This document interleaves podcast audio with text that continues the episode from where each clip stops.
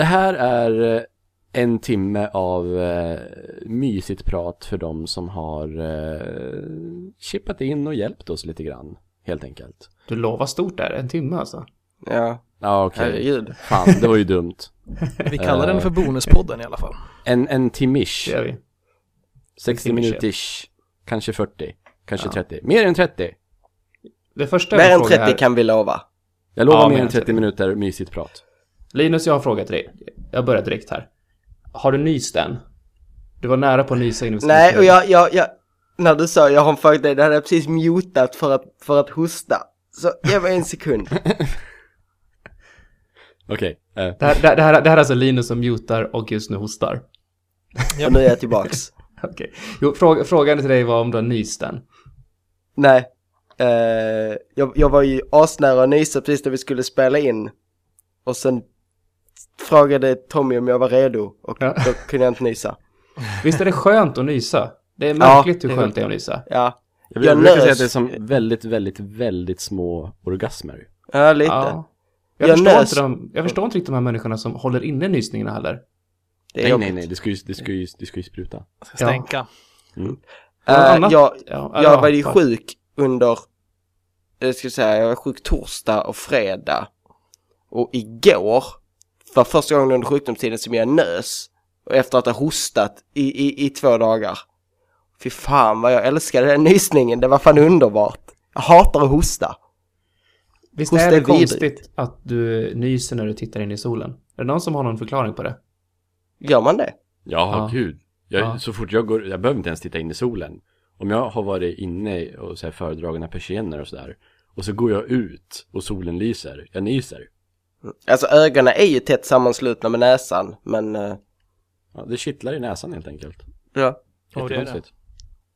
Mm. Vad, vad har du för evolutionistisk förklaring? Mm. God knows.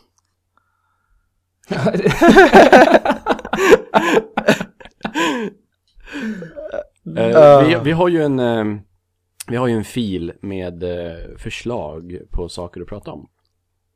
Mm. Mina första två tankar var A-fil och bågfil, men sen förstår jag vad du menade.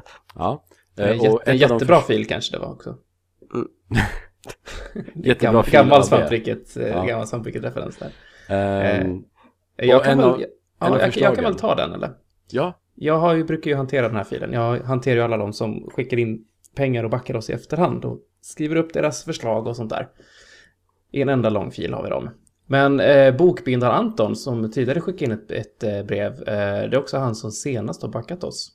Eh, han hade en fråga som faktiskt passar ganska bra idag ändå. Eh, med tanke på vilka det är vi är med, som är med. Han frågar i alla fall eh, om vi har spelat papper och penna-rollspel och han tycker det skulle kunna vara lite roligt och eh, höra vad vi tycker om det. Mm. Peter tittar jag på då. Ja, där kan vi säga, jag har spelat, jag räknade lite nyss där och det är jag, 24 år bakåt i tiden så har jag spelat. Eh, alltså, och fram till idag också. Nu var det ganska länge sedan visserligen, så jag flyttade till Stockholm har det blivit mindre. Men eh, jag har spelat jätte, jättemycket traditionella rollspel. ska, ska vi kanske backa lite grann och förklara vad papper och penna är för något? Ni vet för 90-talisterna. Ja, jag, jag tror att de flesta vet, men det är ju alltså ett eh, ja, rollspel i sitt vanliga, alltså det som är närmast live men snarare mellan live och tabletop kan man väl säga. Du har tärningar eh, som man använder och eh, slår färdighetskontroller med och sånt där och så har man sin karaktär nedskriven på ett papper som kallas rollformulär. Och sen så har man en spelledare som eh, berättar för alla andra vad som händer och så får de reagera ut efter spelledarens beskrivningar och så får Okej. spelledaren reagera på det och så vidare. Ja. Okej, fin, finns det några så här eh, begränsningar på vad den spelledaren kan hitta på för skit? Ja, alltså man följer ju oftast, eh, precis som vi pratade om i vanliga, alltså det finns ett, det finns en suspension of disbelief liksom som, som fungerar här. Du är i den här världen och det finns vissa regler i den och så vidare. Okej, så så han, den som är spelledare kan inte bara säga ja nu kom det 10 000 hungriga vargar. Nej, precis. Det- Jag kan, kan ju göra det, men det blir inte särskilt kul. Det har hänt någon gång under min långa karriär liksom att någon bara dörpar ut helt och det kanske var lite smålustigt sådär. Men Hur, hur vanligt är det när du spelat Peter att det är eh, köpta äventyr ni har kört? det händer rätt, det har hänt oftare och oftare ju äldre man blir.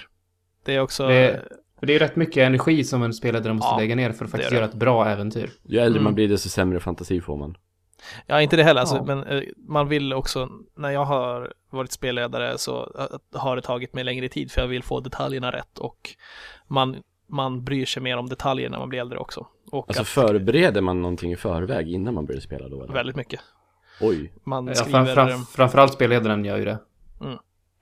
ja det är spelledaren som gör det. Man skriver ner eh, olika liksom NPCs man använder, deras motivation, deras eh, Sen så också deras eh, färdigheter och så vidare och eh, grundegenskaper som behövs ifall de skulle hamna i strid på grund av någonting spelarna gör eller något sånt. Så att, eh, sen har man också kartor, det är väldigt, väldigt vanligt. Man eh, kanske är så ambitiös att man väljer ut ett soundtrack man använder och spelar vid vissa tillfällen. Och så har man plotlines och beroende på spelformen, om man spelar Call of Cthulhu till exempel så har man ofta små eh, typ handskrivna brev som man ger ut, typ så här som eh, eh, bevis eller ledtrådar och sånt där och eh, ja, props helt enkelt. Sånt också. Det beror på, man kan bli väldigt avancerad om man vill.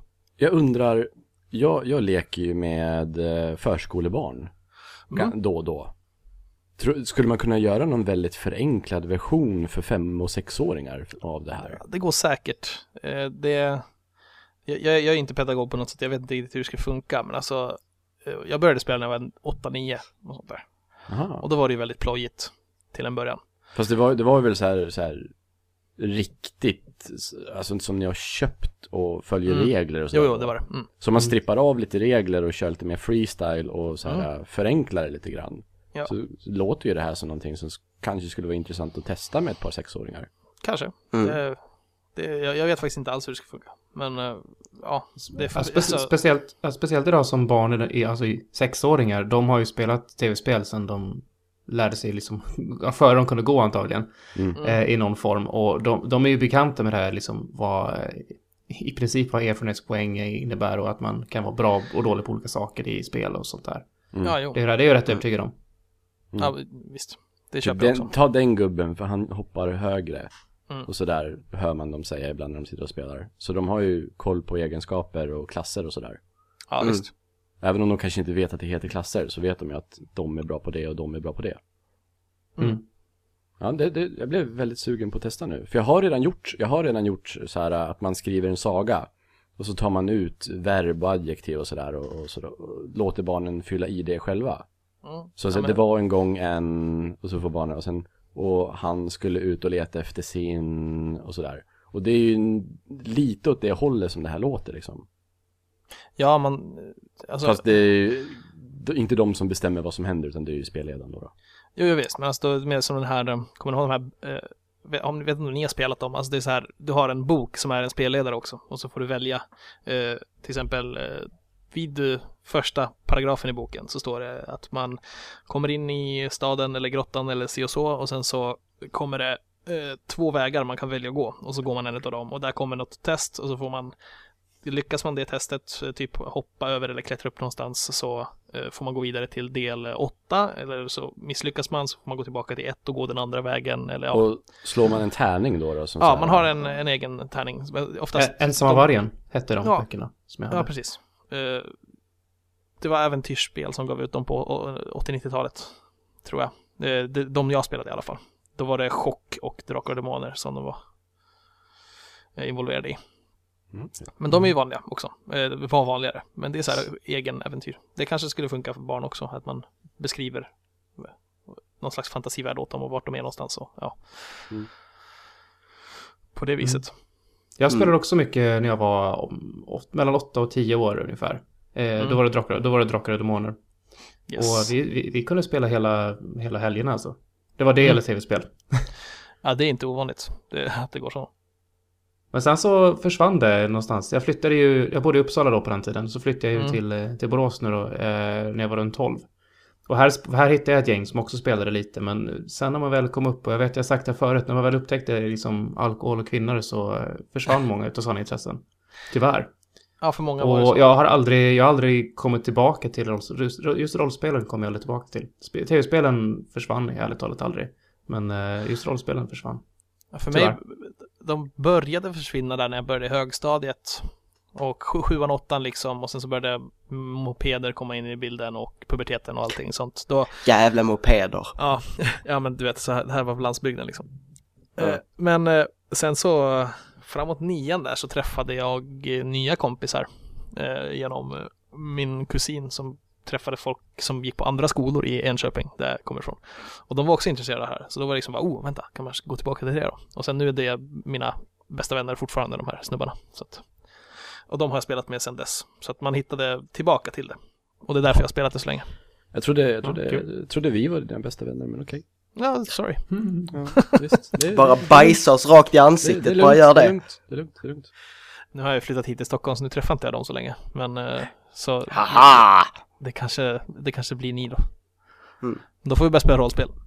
Ja, jag har aldrig spelat rollspel, jag är jättesugen på att Nej, testa någon gång men... Alltså, det jag, skulle jag, vara skitkul tror jag. Om vi skulle jag har en fråga. Skulle inte det här typ passa ganska bra till Wii U? Och spelledaren sitter och har Jo. den där plattan. Och Ja, domderar säkert. på spelfältet och de andra kör på tvn. Det har ju försökt göra sådana här uh, rollspelsatsningar där till exempel första Neverwinter Nights så kunde man ju eh, vid vissa tillfällen gå in och vara spelledare i multiplayer och typ gå in och eh, göra egna kartor och eh, göra egna dungeons och sen samtidigt vara inne i spelet som spelledare och manipulera världen medan en om- medspelare försökte ta sig igenom det. Ja, om det skulle bli någon sån här blandning mellan, jag vet inte, Tower Defense och RTS eller något sånt där, där Mm. en har så här, den här God view och kan Mm. styra trupper och sådär. Och sen är de, de tre, fyra andra nere så här på marktruppnivå. Mm. Ur, ur första eller tredje pers- persons perspektiv. Och måste lite så här Team Fortress 2 lite grann. Eller bygga nodes och försvara punkter och sådär. Har det, gjordes inte det i samband med EVE Online? Typ något Dust, någonting sånt, som var ett Ja, FPS-spel. det, det, det har inte släppts än, det ska komma eller? Har Ja, det så det var. Det var, det var länge sedan jag hörde om det. Dust 214, jag vet inte, är det nedlagt? Eller nej, det tror jag inte heller. Men Det var ändå... Det, släpptes väl, gjorde det inte det? gjorde det? Ja, Jag vet att det var beta- Nu är vi så beta- här igen. Det var beta på Playstation 3, det vet jag. Man det, var ju ganska, det, det var ju ändå ett ganska coolt koncept att, att man kunde liksom i, eh, i MMO-delen styra trupperna och sen så ut, utfördes striderna med, eh, med spelare. Ja. I, i, i FPS-uppsättning. Även, även Battlefield har väl någon sån här commander-läge Ja, som man får bird, bird view och sånt. Ja, det har fortfarande inte kommit alltså, det är helt sjukt. Ja, jag vet fan, det, det verkar ju komplicerat att få det att gå ihop sådär men. Ehm, om man tar så här allmänt om, om rollspel. Är rollspel the core-nördigaste som finns? Alltså verkligen kärnan i nördighet. Är det rollspel? Jag, jag tror det. Alltså, för, för mig i alla fall, the, är det, och något som går över kulturer också, jag menar i USA är det samma sak. Där är det Dungeons Dragons nörden som är vi nörd. Det är liksom eh, varje tröjan, kommer inte det lite svettlukten. Kommer inte det lite av att, att eh, alltså nördkulturen sattes ju i, på 80-talet i USA? Mm. Ja, det jag var har fel nu. 70-talet till och med i början av Guy Gax, eh, Gary Gygax som het, tror jag han hette, han som drog igång Dungeons Dragons. Eh, Ja, jag, jag, jag, tänker, jag tänker nö- nördkulturen i stort, alltså typ såhär, du vet, nördarna slår tillbaka och grejer, det är såhär 80-talsfilmer och sånt. Du vet den här stereotypen. Eh, och det är också, ja, det är väl så att det, det hände under samma tidsera som Dungeons and Dragons var väldigt populärt. Jo, Så därför ja. har det blivit så liksom cementerat med varandra. Rolig sak, på, ta, på, på tal om den klassiska nörden, eh, Vin Diesel, stort Dungeons and Ja, jag Dragons-fan. älskar Så det. jävla coolt. Jag vill bara rätta mig själv, Dust 514 då som det Ja, heter, det. Mm. släpptes förra året. Ja, Så Det pass. stod fel på den svenska Wik- Wikipedia-sidan. Ja, det är för kände att det är på den det svenska. Wikipedia-sidan. Ja, och jag Man kände på mig att nej, det här är fel, spelet är ute. Men Mm. var, var det rätt där att Dust 514 var eh, FPS-förlängningen på EVE Online? Ja, det, det är eh, i, i universumet då, då. Ja, okej. Ja. Och det är CCP Games som, som, eh, som gjorde det. Och då, det är ju Island. I- Ja, precis. Mm. Men Linus, Ja, ja. du borde ju ha lite kontakt med Dungeons and Dragons efter community om inte annat. Ja, ja, det var ju första när vi började prata om det, var vi, vad hade jag bara, uh, vet du, Hector the Well Endowed i huvudet. Liksom. alltså, det, det var ju då fick jag liksom, det var faktiskt det som utbildade mig väldigt mycket hur det går till. För jag tror det är en rätt korrekt porträttering av den då. Jag önskar att jag sett avsnittet så jag kunde säga, men jag kan tänka mig De, de har gjort två. De gjorde ett nu i femte säsongen också. Som Mm, inte var ja. riktigt lika bra men, men fortfarande hade, hade många kul poänger. Mm. Ja, att, eh, rollspel travesteras ofta och liksom det finns ju jättemånga klipp på det där klassiska bara I cast magic missile. De här Ja. supernördarna som sitter och spelar. Det är någon flash-animation.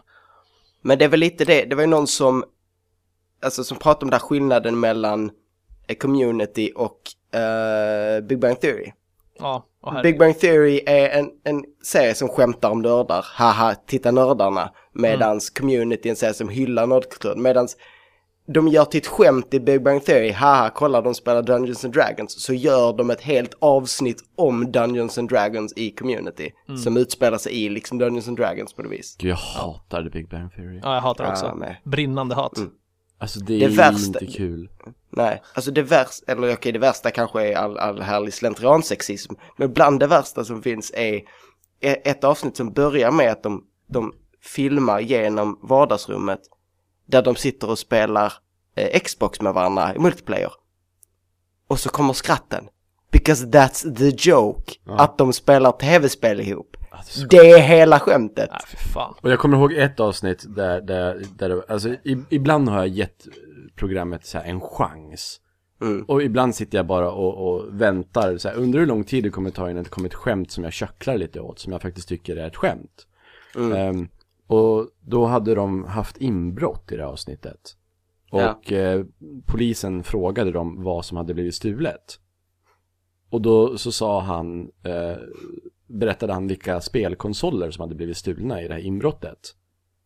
Och de burkade skratten kom efter varje konsol. Alltså varför är det kul? Jag förstår inte. Because om det var samma sak. Ja.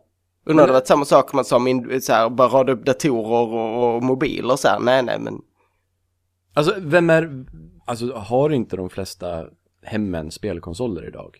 Jo. Jo, det är det som är så konstigt för att eh, om, vi- om vi tänker nörden som var bullied på 80-talet som kanske var jättehaj på spel och, och sånt där. Det är ju exakt samma person som idag är bullin. Jag menar, alltså killen som är bully idag kan sitter och håller på med sin telefon och spelar spel och typ eh, skriker dude bro grejer till Call of Duty och så vidare. Mm. Mm. Alltså, han gör ju samma sak, ja, ja ja, precis, han gör ju samma sak som, som nörden gjorde förr. Mm, Mm. Så, det är konstigt. Revenge of the Nerds. Typ. touch. Men i alla fall, Ja. eh, traditionella rollspel är, eh, eh, det är klassiskt ultranörderi.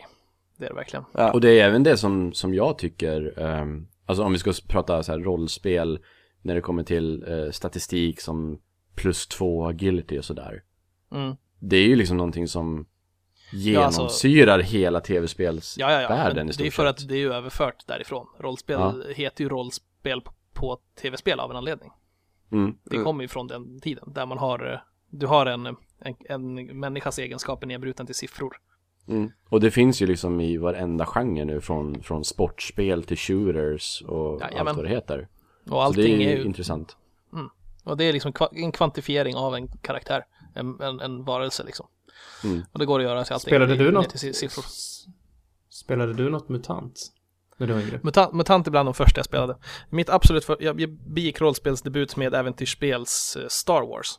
Det också är på, med bara Oj, eh, just med ja. den klassiska uppsättningen eh, tärningar Ja. som följde med och så var det, ja. Men de Faktiskt, gjorde Sagan, ju- Sagan, Sagan, om ringen var motsvarande mitt första innan det blev, innan det blev eh, Drakar och Demoner.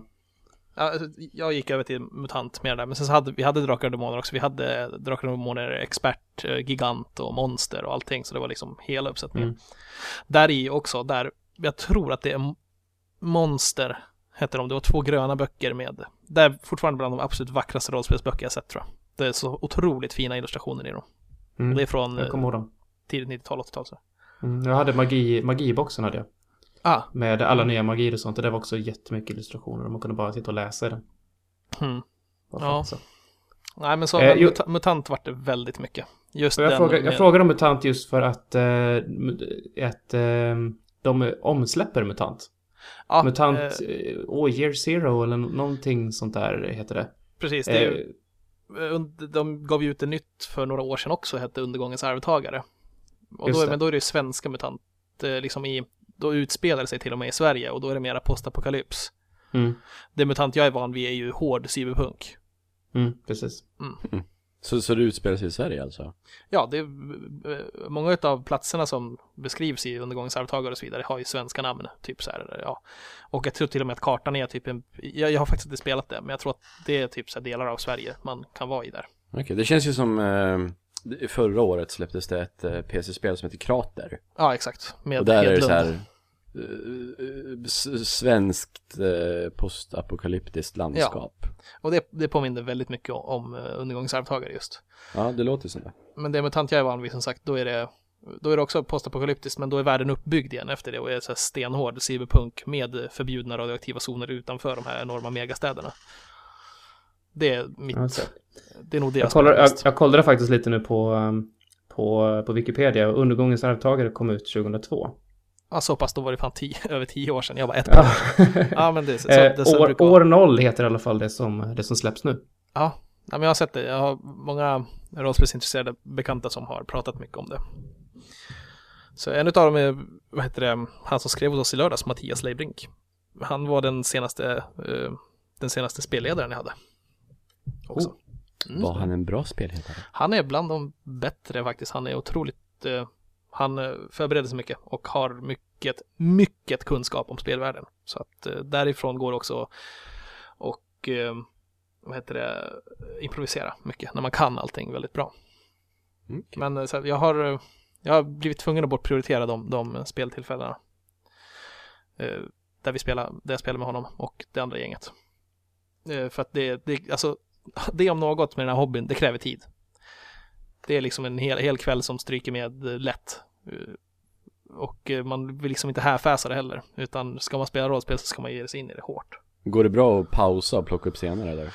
Ja, det gör det ju, men man vill ju oftast ha det i så här kampanjformat, alltså att man gör klart en del moment innan man, innan man tar sig vidare, så att spelledaren har eh, fasta punkter att röra sig mellan. Är det någon sekreterare då som sitter och så här Nej, alla för ofta sina eh, saker som händer med, på, på rollformulären, vad som händer med ens karaktär, vilka items man får och sånt där. Och spelledaren har ju väldigt mycket anteckningar också. okej. Så att det är klart att det går att stanna var som helst, men det känns också lite hattigt att bara trycka på paus.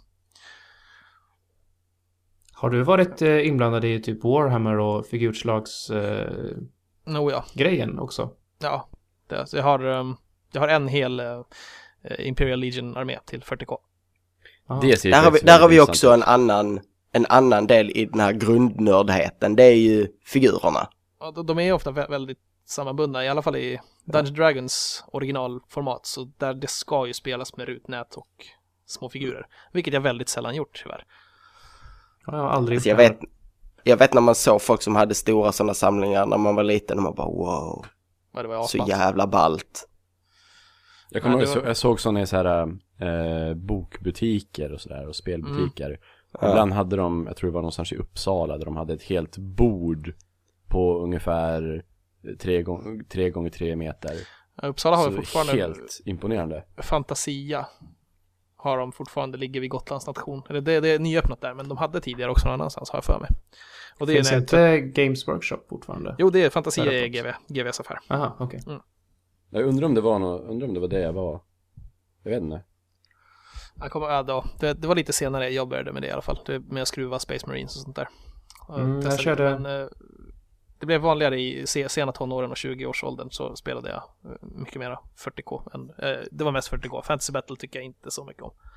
Ja, det är bara det jag har spelat. Jag har 40K har jag bara sett i princip. All right.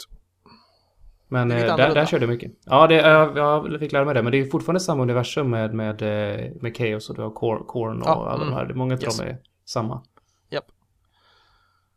Det är sant. Men vad, hette det, det vad, finns- vad, vad hette det där du har, där gubbarna du har är jätte, jättesmå och så finns det så gigantiska mex och sånt också. eh, Det är inte 40K va, utan det är jag tror det hette 40K Epic eller något liknande. Epic var det nog ja. Ja, det är 40, 40K. Men där finns ju också, ja gud, det finns så många spin-offs i GVs universum, herregud. Eh, du har ju bara rena rymdskeppsstrider i Gotika eller Gothic, no, jag vet fan. Men sen så finns ju, uh, fan heter det då? Där man bara är typ, där man har åtta stycken karaktärer och så rör sig omkring in i en stad. Med så smågubbar. små gubbar. Uh, ah, fan. Glöm bort. Vilket härligt nischat avsnitt det här blir alltså. ja, det var ju... Precis. Men sen har vi den här, eh, om man ska säga mellanbryggningen mellan, mellan de här figurslagen och vanliga bordspel, Hero Quest. Ja, ja, ja det är ju klassiker. Mm. Det har jag också spelat väldigt mycket. Det finns många sådana andra spel som är jättebra också. De de är oftast väldigt avancerade också. Men Jag har ett som heter Descent, heter det. Det är nog den största brädspelsbox jag har sett i hela mitt liv. Den är enorm. och det är så stora små, alltså sådana här drakar och troll och grejer i den. Och, och det tar eh, lätt fem timmar att spela igenom. Men då är det klassisk Dungeon Crawl verkligen. De har levlande karaktär, du får hitta nya eh, skatter och med vapen och rustning och sånt där. Det är skoj. Mm. Otroligt Tyvärr också- spelade. Ja, ja Hero Quest, det är lite enklare att sätta upp, men alltså där är det nostalgivärde om något, herregud. Mm. Och första gången man spelade Hero Quest, det var ju fan guld alltså. Men alla har väl säkert någon spelat Drakborgen? Ja, det eller Talisman tror jag är vanligare. Ja, eller Talisman också, ja. ja. Mm. Talisman är fortfarande kickass. Fan, jag hade så, det var bara, för några år sedan så hade jag nöj, eh, ja, två år sedan tror jag. Eller var det fan till och med förra val, valborg? Nej, två valborg sedan. Någonting sånt. Kring där fick jag nöjet att spela typ First Edition Talisman med en sån här riktig 80-talskorten. Det var Jättebra. Jag, jag har det hemma hos farsan någonstans. Jag, jag, var, jag var hemma hos honom igår och åt, åt lunch och, och, och jag lovade att jag skulle komma ut dit någon gång i sommar och gå igenom. För där har jag Mm. alla mina, alla mina kartonger till alla mina NES-spel och jag har ju mycket som helst Oj. där ute. Ja, fy fan. Ja. En riktig skattgömma. Ja, faktiskt. Hmm. Ehm, ja, vi som kommer utifrån här nu, jag, jag och Tommy. ehm, hur skulle vi, om vi, vi, nu vill vi säga att vi vill börja med rollspel. Var börjar man? Mm. Vad, hur gör man? Det beror på lite vart man vill börja. Vill man gå in alltså hårt på eh, karaktärsrollspel eller vill man mera ha Dungeon Crawl Experience eller vad är det? Jag menar Dungeon Dragons Alltså- är lätt att plocka upp. Däremot tycker jag att version 4 som finns nu utav D&D, den klassiska amerikanska, det är typ att det är en raid simulator i princip. Då är det som att spela ett MMORPG. Du har bara stats och monster att döda och det känns du- fördummat och konstigt. Okej. Mm. Så man ska hellre gå på ett mer klassiskt? Ja, jag tycker att alltså, om man har möjlighet eh, så tycker jag att de att 3.0-reglerna när de kom till Dungeons Dragons så är det jättebra. Okej. Det är Finns enkelt det, och... fi- ja, Ja. Det måste ju finnas sådana här rollspel som inte är fokuserade på strid. Utan kanske istället är, Ja. alltså sä- säg ett japanskt rollspel som är fokuserat på dating. Ja, ja, Alltså den typen av grejer, det måste ju finnas sånt också va? ja, alltså det finns hur mycket som helst. Jag har eh, en av mina eh, bästa vänners eh, fru är en sån, men hon kan åka på så tre dagars relationslive. där de lajvar relationer, typ. Och då, då är det, det är verkligen extremen utav det. Men det är klart man kan sitta och spela, typ bara ha ett, eh, alltså norrenskt diskbänksdrama i en hel session. Det finns det folk Ja. som gör, absolut. Men då är, du det, då är det oftast i vad man kallar friform. Att du bara lajvar upp, någon sätter premisserna och sen lajvar upp det. Du har inga tärningar du slår det så. Nej, precis, precis. Det är, I princip så är det ju ett, eh, ett, ett skådespel. Ja, Man, man, man, man går in i en karaktär som man är och så Precis. kör man. tärn, Har någon av er, har någon av, att, att har tärningar någon av er lajvat? Nej, kör, kör. Ja, jag har, jag har knappt lajvat. Jag, har, jag körde en rollspelssession med henne, Emma som hon heter. Och då, Mm. då var det, då fick vi ställa oss upp och agera ut lite och sådär. Och det känns konstigt för jag har spelat rollspel traditionellt så länge. Men det var fortfarande roligt och sp- spännande att testa sådär. För att Men- alltså jag var och fick titta på, de har ju en Vampire the Masquerade eh, förening här Mm. i Kalmar. Och vi var och tittade på, inte när de körde i själva, i det riktiga livet, utan men de spelade upp en scen. Och det var jävligt häftigt att se, liksom att det är ju någon slags friformsteater. Mm. Det var väldigt, väldigt häftigt. Just De är Vampire, duktiga skådisar. Ja, ja, ja. Det, folk går in i det där stenhårt. Och Vampire just det är väldigt vanligt med sig. Det, det är lite mer så här karaktärs och intrigrollspel om man säger. Vi hade, det- vi hade, vi hade det på 90-talet eh, här i Borås också. Just, just, jag vet inte om det var Vampire the Masquerade, eller det var i alla fall ett vampyrrollspel som pågick över hela stan. Där man Mm. cla- claimade områden och, och sånt där. Ja, det var nog där i den svängen. Det kom- Tv-serien kom ju samtidigt. Sen eh, var ju White, White Wolves eh, eh, pub, publikationer ganska populära på den, mm, i och med det också. Just det rollspelet. Mm. Men absolut, det, det finns alla möjliga sorters former. Och vill man börja någonstans så är det egentligen bara plock, plocka upp något som är enkelt. Om man har en, har man en erfaren spelledare så, så är det det är det som är viktigt. Ha någon som kan det. Plocka upp det själv och sätta igång. Det kan ta lite tid att sitta och läsa reglerna och lära sig Om man är helt blanka papper allihopa. Okej, men hur hittar man någon att göra det med? Alltså var, var får man tag i en människa som kan? Ja, det inte finns så ju- har, man Det finns ju rätt många spelföreningar fortfarande där ute. Ja, det finns jättemånga. Det, det är liksom, det finns det forum för om man, om man inte har någon att, att träffa och spela med. Men annars har man, har man kompisar som är intresserade av tv-spel och nörderier i allmänhet så är det inte alls svårt att plocka upp. Och bara spela Nej, tillsammans. det, det är bara några steg bort. Ja, visst. Det, det, är som det, det är som de här som alltid kommer varna en för droger i skolan. Man Ja. kan alltid, det finns bara tre personer bort. Så här, det är lite samma sak här fast med rollspel. Ja, ja, ja visst. Så det, det är inte alls svårt. Men eh, de flesta regelsystem är, är, är hyfsat enkla att lära sig. Jag pratade med en kille som höll på med live och de körde, de hade faktiskt inte färdighet, de, körde, de spelade inte med tärningar och sånt där när de slogs utan de hade alltså riktiga vapen men som var skumgummi ute Mm. på. Och de, de, de bankar på varandra ordentligt med det alltså. Ja, Boffer live som det kallas. Okej. Det- Då har man, eh, ja, just vapnen, alltså man gör så här stora skumgummivapen och sen bara går ut och vevar i skogen med rustning på sig. det, det är subgenre och boffer live. Ja, det, det finns också. Då är det oftast fantasy-anknytning då, med att man har, att man är orcher och Ja. alver och människor. Hur jag gör långt... något liknande här hemma fast det är bara när jag blir full så, så, så tar jag och en kompis så här skumgummisvärd och slår på varandra också. Det är också roligt. Men det är inget rollspel inblandat, vi bara pucklar på varandra. Ja, ja. Men alltså, då är man ju ganska nära om man säger så här medeltidsveckan på Ja, ja. Gotland och liknande. Mm, visst. Ja. Det, det är för att sim- simulera strider så, då har man oftast att så, man har vissa regler och man ska, blir man träffad här och där så har man kanske kroppspoäng också som man räknar då, att man tänker. Men eh, Det är betydligt lättare. När jag var liten så körde vi något sånt här eh, där vi sprang runt på Susan kompis eh, bondgård och hade låtsasvapen fast alltså bara distansvapen.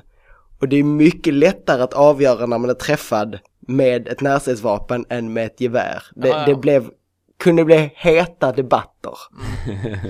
där är det ju däremot vanligare att, att man blandar ihop live och eh, airsoft. Det är också väldigt vanligt. Ja, jag tänkte precis fråga. Ja, det har jag kompisar som gör. Så, ja. Mm. Jag har några bekanta som har kört sådana, till exempel eh, zombie airsoft. Att man har eh, många statister som är zombies och så är man några stycken som har eh, vapen och försöker fly, eh, gömma sig och sånt där. Aj som fan. På Är de det som någon zombies. som vill vara zombie då? Ja, det, alltså, det, det svider ju, men har man skyddsglasögon och sådär så får man ju... Det är, Ja. alltså bli träffad på kläderna gör inte så ont. Eh, paintball är bra och ondare, tycker jag. Hoppas man får springande zombies då i alla fall. Ja, jag vet inte fan hur de kör det. Men, Annars skulle inte jag vara med. men där är det vanligare att man spelar upp scenarion i, i stil med att man är FN-soldat, några är insurgents och sånt där. Eller att man är tema på andra Mm. världskriget eller något så. Ja, jag har kompisar som har köpt på sig en massa här Army Surplus grejer, typ eh, gamla gasmasker och sånt Mm. och springer runt med airsoft. Jajamän. Det är, det är också ganska vanligt. Mm. Men, aj, Ja, ja, jo, det är det är klart det gör ont lite grann. Men som sagt, jag är, inte bara smärtad. motiverar. ja. Men För de flesta, för, ja, ja. tar du? Ja, de flesta spel är enkla att plocka upp. Som sagt. Det finns undantag med, eh, nu var det ett tag sedan jag såg det, men det finns ett par svenska spel från en, eh, någon som publicerade, jag har glömt bort vad de heter, men spelen hette typ Kellatar eller eh, Wasteland. Och western rollspel hade de också. De reglerna är, att det är helt sagolikt hur jävla komplicerade de är. Och det satt man där och tragglade med när jag var 12, typ. Fattade ingenting. Tyvärr var det så frontcovern på dem så jävla tuff ut så man försökte ändå. För på den tiden var det liksom, såg böckerna tuffa ut så var säkert spelet bra. För att dra parallellen tillbaka till, till tv-spelens värld så, så har jag alltid stört mig lite grann på att det ändå heter rollspel även, även, i, även just i spelens värld. Ja, Eh, för att, jag menar, ett rollspel för mig är att du går in i en karaktär och du väljer själv, du skapar ditt egna äventyr. mm, I, I ett tv-spel så tittar du på någon annans äventyr. ja. Och du kan på sin höjd liksom hjälpa till och, och, och flytta runt lite erfarenhetspoäng. Ja, åtminstone när det kommer till eh, japanska rollspel. Mm, verkligen. Så Ja, är det alltså- ju väldigt mycket att man, att man följer en, en, en etablerad karaktär som inte är liksom ett blankt papper. Så, så är det ju Ja. mycket i, i, i Bioware-spelen också till en viss del. Eh, I alla fall att det, progressionen är speciell och det går vidare. Men det är där, Medans, medans Fallout och, och Skyrim och exakt, sådär har det är lite därför mer, jag är ett sånt jättestort fan av, av Elder Scrolls till exempel. De, mm, Där får man liksom projicera sin egen Ja. karaktär på det tomma bladet så att säga. det är sällan jag spelar klart de spelen för jag vill liksom, för mig att spela dem är bara att dra runt och göra min egen grej. Ja. typ låtsas vara någon jägare och sitta på en sten och spana efter rådjur i Skyrim. Det, det är liksom den, den grejen jag hellre gör än att följa storyn om den här episka eh, eh, världsräddaren liksom. Ja, men det är ju så jag känner också när jag spelar Fallout, eller när jag spelar eh, senaste Far Cry. Mm. Jag, jag vill ju bara gå ut och, och jaga djur och sådär. Ja, det var det bästa med Far Cry 3. Det var Jag att skit- jaga jag djur skit- alltså. Ja, precis. Mm. Jag skiter ju i storyn. Mm. Ja, men Alltså, det, det, behövs, det, behövs, ja, det är som du sa behövs det Tommy. fler sp- Förlåt. Fan vad bra vi är på att prata samtidigt. ja, alla är väldigt engagerade och vill prata. ja. Men det, det men är som du sa Tommy, att eh, vad heter det, det händer saker som man känner, bara, det här kan bara ha hänt mig. Och liksom, det är Ja. del utav den upplevelsen i den här spelvärlden som man vill Mm. få. Och det är det som känns rollspeligt så att säga. Mm.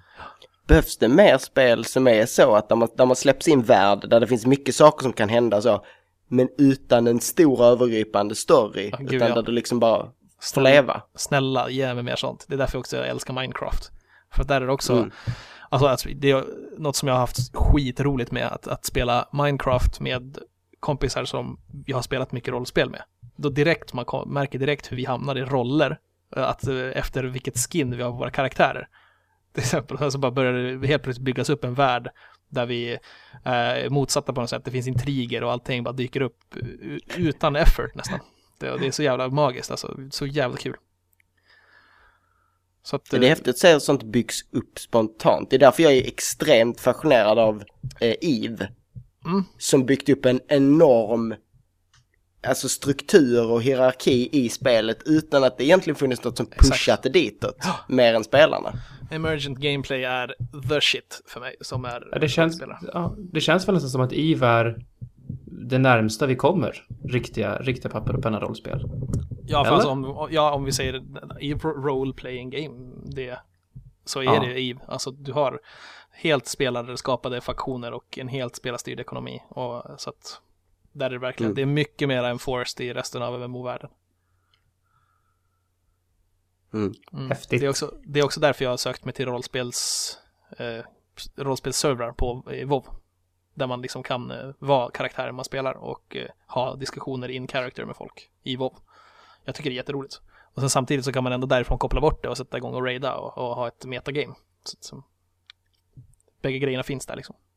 Tycker du Peter att, eh, att din erfarenhet med rollspel genom din uppväxt har, har gett dig andra fördelar i livet som stort?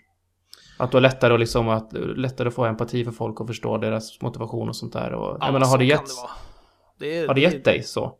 det är inget jag funderar på så, utan det är snar- snarare typ i hur jag förhåller mig till tv-spel och sånt där och, och eh, kanske kultur i allmänt också lite så här är det väl, eh, finns det väl delar, men eh, inte något så här så jag tänker att, att jag har lättare i, i något, något sånt. Alltså att jag tänker, tänker som rollspel kring, kring riktiga människor, utan nej. Det ska jag inte säga, Ja. men så kan det dock vara. Det är, inte så att, det är bara att jag inte tänkt på det, men det är klart det kan vara så. Det är ofta en, eh, en grundgrej för att eh, liksom så här avleda gräl och liknande sånt där. Det är ju att, att faktiskt kunna förstå den man pratar med och Jo. vad man grälar med. Och har Ja. man erfarenhet av att kunna se på saker och ting ur, ur flera vinklar så kan det få vara lättare. Ja, ja, absolut. Ja, men det är väl det och, och eh, sen att jag läst idéhistoria mycket också, förstå, olika ideologier och sånt där, det är lättare att, att förstå var folk kommer ifrån. I både i politik och i, i moralfrågor och så vidare. Mm. Så att det och rollspel, visst, det kan jag köpa, att det kan vara så. Mm. For show. Mm. Nu har vi suttit och snackat om det här i ett bra tag. Snart 40 minuter. Mm. Eller jag har pratat. men jag har... Vi, har lyssnat, du, du och Tobias har pratat, jag och Linus har suttit och lyssnat och lärt. Mm, Mm. Ställt dumma frågor.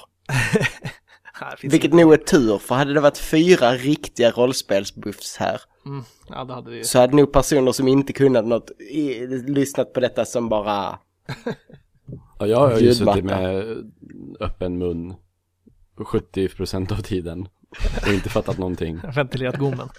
Ja, precis. Lin- Linus, har du, har du spelat något eh, så här, brädspel då?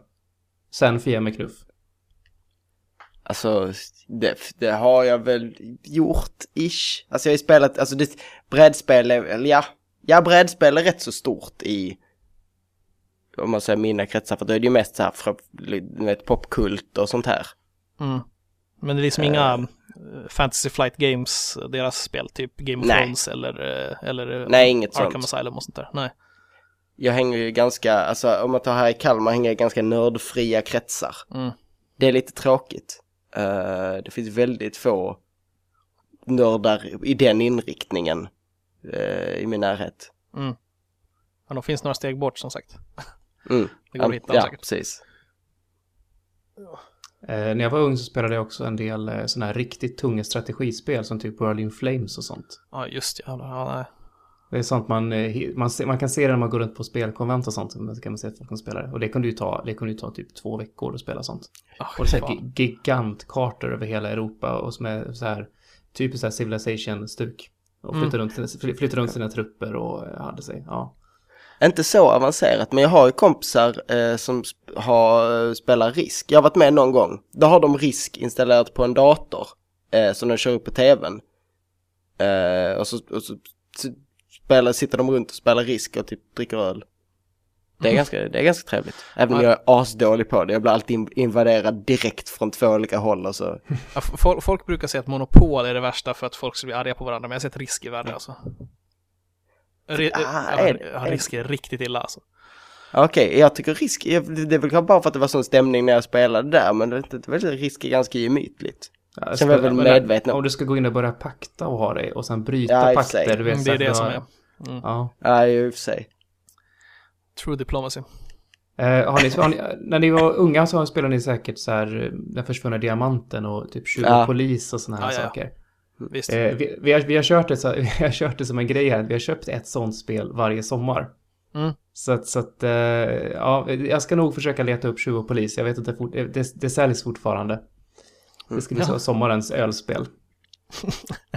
Det På, om man kul. går på ett helt om man går på ett helt annat håll så har vi ju alltid haft under min, under de senaste åren av min uppväxt alltid haft så här stenhårda turneringar i olika spel under sommaren. Eh, så här typ från, eh, vet, sjua.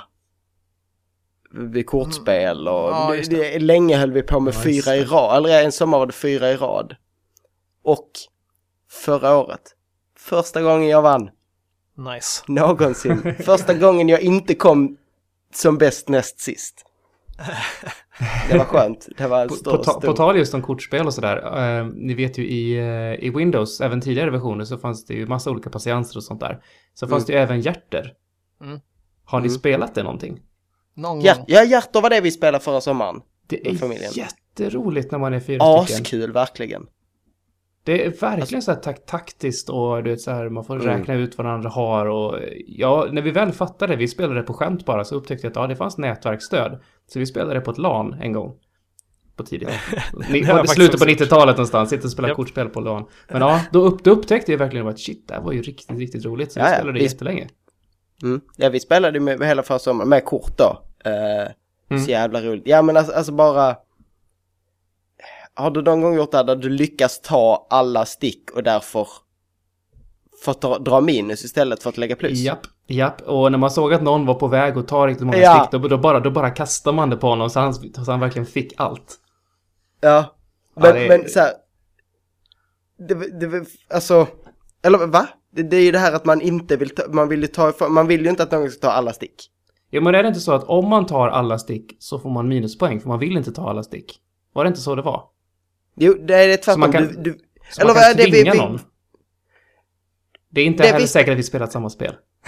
Nej, för, för, I vårt hjärta, det är väl samma regler runt där, men i vårt hjärta vill man inte ta några stick. Alls. Men om man tar alla stick så får man gå minus. Det vill ha så lågt som möjligt. För att det kan vara, ni kan köra tvärtom. Så kanske det var. Och det, det, det är länge sedan alltså, som sagt. Så jag kommer Ja. ihåg det var någonting med spade dam också. Jag sparade dem, ja just det, varje rund, Det är straffkortet. Sp- Spade dam var straffkortet. Alltså lyckades man slänga det på någon och den fick det. Det var alltid någon som fick spade dam så fick den ju... Ja, minus eller plus. Jag kommer inte ihåg hur det var riktigt. ja Vart man helvete skulle. nu alla. Nej, så, ja okej, nu, jag har också glömt, nu regler fan. Men det alla det, det är ju det att om man, i, i något av det om man tar alla så, för det, då kommer du i en så här chicken race grej. Lyckas du ta alla så är det asbra. Men om du misslyckas på det allra sista, då har du liksom bara sänkt dig fullständigt. Så var det ja. Ja, Mm. det stämmer. Kära vänner, Ja, vad säger ni om jag tar och rundar av? det låter jättebra. För när vi sitter och okej. diskuterar vad reglerna i hjärtat är, jag vet inte om jag har så mycket kvar att säga. Kanske inte nej. Så vi får väl ta och helt enkelt eh, säga tack till alla bonuslyssnare. Mm, tack, tack. Tack, tack. Eh. Har, ni, har ni också så här vansinnigt bra väder när ni tittar ut genom fönstret? Ja, Yes. Ja, jättebra. Jag ser inte Jag ska ett ha- enda moln alltså. Grillpremiär om ett par köpt- timmar för mig. jag har dessutom köpt ett par nya skor så jag typ vill ut och gå. Just det. Jag ska sitta inne och vara sjuk så eh, fuck you guys. Ja, just det. Men du kan ju faktiskt titta ut och se det fina i alla fall. Ja. Ah, ja. Men You eh, guys, I'm going home.